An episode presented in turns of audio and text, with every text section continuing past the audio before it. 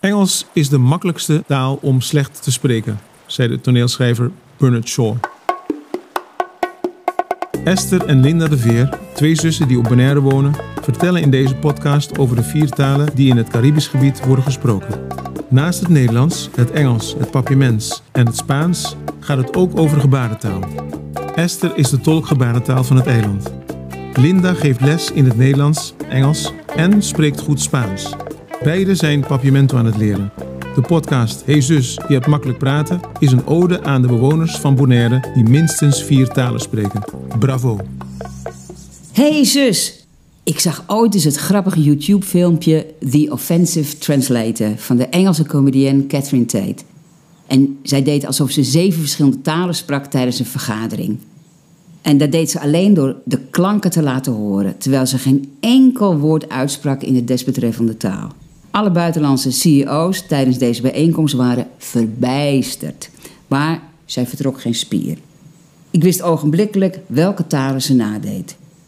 Ik las ergens dat een Spaanse, een Engelse, een Duitse, een Française, een Tsjechische, een Amerikaanse, etc. een accent van een taal toch weer anders horen. Het Nederlands komt er helaas niet echt goed vanaf. Een Amerikaanse begint meteen haar keel te schrapen als ze een Nederlander imiteert, alsof ze graag een verroeste grasmaaimachine na wil bootsen. Er is ook goed nieuws.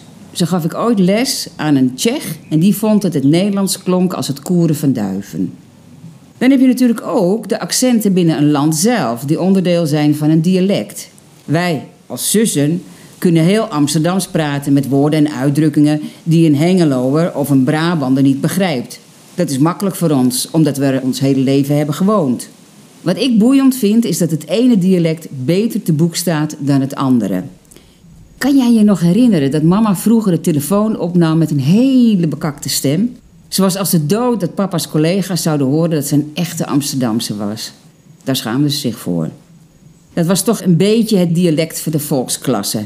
En kan je ook nog herinneren dat we een keer met een Groninger praten die niet wist wat het woord mesjogge betekende? Voor mij was het zo klaar als een klontje dat het de betekenis heeft van gek. Later kwam ik erachter dat het een Jiddisch, oftewel een Hebreeuws-Duits woord is dat in het Amsterdams veel voorkomt. Eigenlijk helemaal niet zo gek, want eeuwenlang woonden vele Joden in de hoofdstad. Wat denk je? Zouden hier op Bonaire ook accenten zijn? hey zus, weet je wat ik gek vind? Dat elk land anders kijkt naar zijn eigen taal. En de mensen zich ook anders voelen. Ik kan het me inderdaad goed eh, herinneren dat mama die bekakte stem kreeg als ze de telefoon opnam. Mijn uitspraak is, voor zover ik weet, niet Amsterdams. Behalve als ik kwaad word.